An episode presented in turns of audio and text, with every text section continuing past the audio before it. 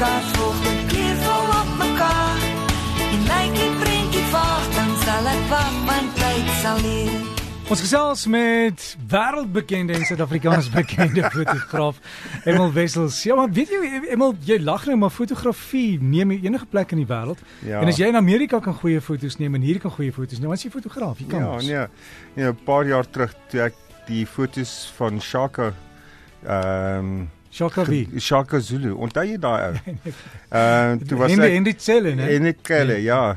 Nee, was ek op daai tyd die mees uh gepubliseerde fotograaf wêreldwyd in Suid-Afrika. Het jy nog van die foto's? Ja, ek het nog van dit. Vir ons bring asseblief. Ja, ek sal. sien. Ja, hy was groot geweest die ou, né? Ja, nee, Hendrik uh Hendrik Silje. Nee. nee hy het- hy het een of twee keer by my kom kuier en uh hy het een aand laat daar by my aangekom uh hierso in Melville en uh toe my dokter uh, ek sê vir hom gaan gaan sê hulle vir Christine maar Christine slaap toe. En, en toe sit hy die lig aan sit en sy maak haar oë oop en toe kyk sy na hom toe sê bom bom.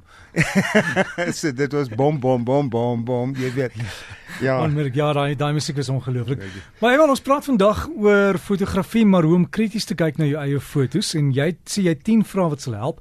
Ek gaan hulle neerskryf en as ek hulle op die Breakfast Facebook bladsy sit soos jy hulle gee. Dirk maar ek wil vir jou vertel wat ek vir Kersfees gekry het Is dit jou mooi karretjie by? nee, ongelukkig nie. Dit is 'n mooi kar, maar hy's 'n baie ou kar. Ja. Nee, ek het 'n fantastiese boek gekry O ja. van Obi Oberholzer. My hy's my gunsteling foto Suid-Afrikaanse fotograaf. Ja. Uh die boek se naam is Diesel Dust. Ek het al sy boeke al en uh ek hou van die manier hoe hy die mense afneem en die empatie wat hy met mense het en hoe hy met hulle kommunikeer en die wonderlike fotos wat hy van hulle kry. Ja, en ek hoor hy's binnekort hierso in Johannesburg vir 'n fotografiese uitstalling. So, so moet plan maak. En nou goed die Ja, die die vraag. As ek as ek 'n foto geneem het en ek dink dis 'n fantastiese foto, 'n wenfoto, mooi, maar dan kom jy met jou vrae en jy gooi my in die modder. Ehm, Oké. wat is die eerste een? Wat een is waar is die kern van jou foto? Waarop beland jou oog as jy die eerste keer na jou foto kyk? En is dit die beste weergawe van daai foto wat jy kan doen? Slaag jy in dit? Dis interessant. Nommer 2 is steur daar goed in die foto en hoe om dit te vermy. As daar 'n 'n 'n boom uit 'n persoon se kop uitgroei en daai tipe ding, moet jy weet hoe om dit te te vermy.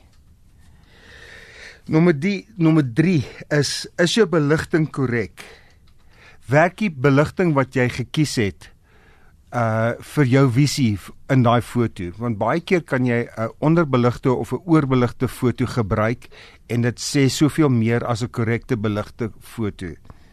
En natuurlik met daai is is jou eie kuns wat jy probeer uitbeeld. Nommer 4 is was jou lenskeuse korrek? Want baie keer uh kry jy te veel in of daar's te veel distorsie of daar's die die lens is te lank en jy kry nie genoeg van die agtergrond in nie en jy moet dit bepaal en kyk 'n bietjie mooi of dit vir jou werk. Ek het nou die dag het ek het ek by plek om te ek net my lang lens aan toe moes ek 'n paar mense gehad. moes ek deur teen 'n ander muur gaan staan want dit is 'n zoom lens en vir hulle Ja. sê, "Oké, glimlag hier." ja, So jy maar moet- jy moet dit is- kyk. Dit is die ding. OK. Watse rol speel die agtergrond in jou foto? En is dit deel van jou visie? Baie keer kan jy iemand kry wat voor in die foto staan en die agtergrond is heeltemal ehm uh, sê deel nie- is nie deel van die foto nie. Of is die agtergrond deel van die foto? Byvoorbeeld sê nou jy kry 'n ou wat in 'n rommelwerf staan en hy's in die voorgrond en die rommelwerf is in die agtergrond, maar hy's die eienaar van die rommelwerf. Jy weet, dis daai tipe storie.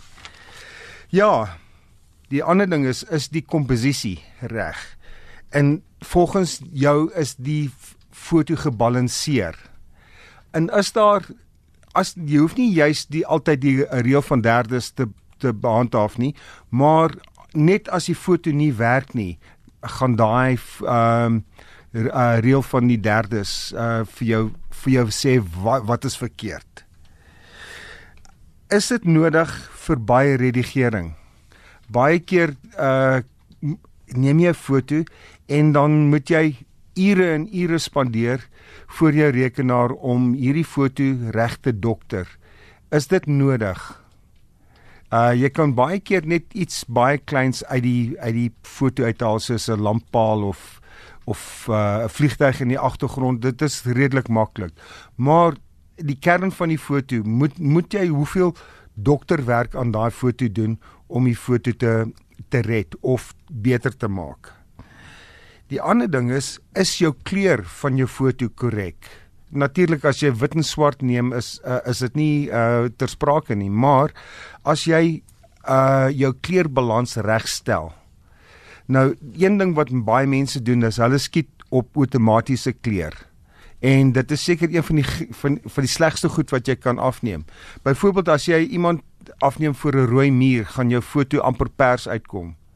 Want jou kamera probeer dit 'n natuurlike kleur hou. So stel jou as jy in die son skiet, sit jou beligting uh van die van jou kleur op die die sonnetjie as dit bewolk is natuurlik met die bewolk en as jy binne skiet onder uh uh tungstenlig dan sit jy hom op daai daai dingetjie wat lyk soos 'n klein gloeilampie. Is jou kamera, jy kan hom ook stel van die dierder kameras op die RGB of Adobe. Kyk, as jy baie redigering gaan doen, dan stel jy jou kamera op uh Adobe R, R, RGB. Hm. Maar vir die algemene mense wat nie gaan baie redigering doen nie, is sRGB die die stelling.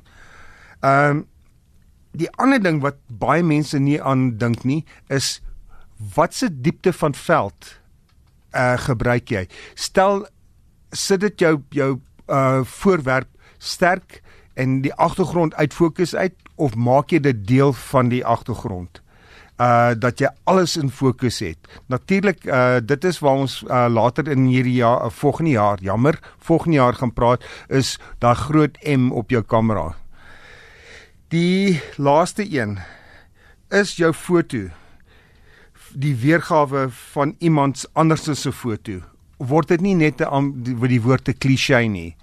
Jy weet soos 'n kind met die romes in die gesig of uh die iemand wat die son in hulle hand hou. Dit is al 100 keer gedoen.